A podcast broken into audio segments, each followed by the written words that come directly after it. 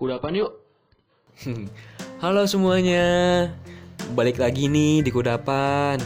Podcast bersama kelompok 8.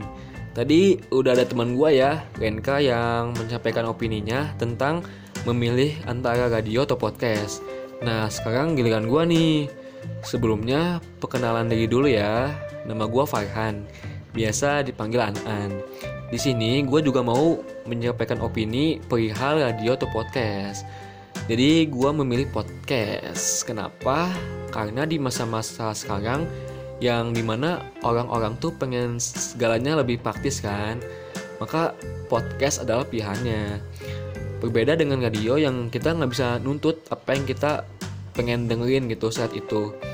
Kalau podcast kan bisa didengerin kapan aja, di mana aja, apa aja, semau kita gitu. Dan bener tadi kata Renka, kalau podcast tuh bisa dengerin tergantung mood kalian. Misal kalian lagi sedih atau lagi galau, kalian bisa tuh cari podcastnya. Tinggal cari aja dan nanti tuh bakal muncul banyak pilihan. Nanti kalian tinggal pilih deh. Dan untuk meningkatkan perkembangan podcast bisa dengan berbagai macam cara sih.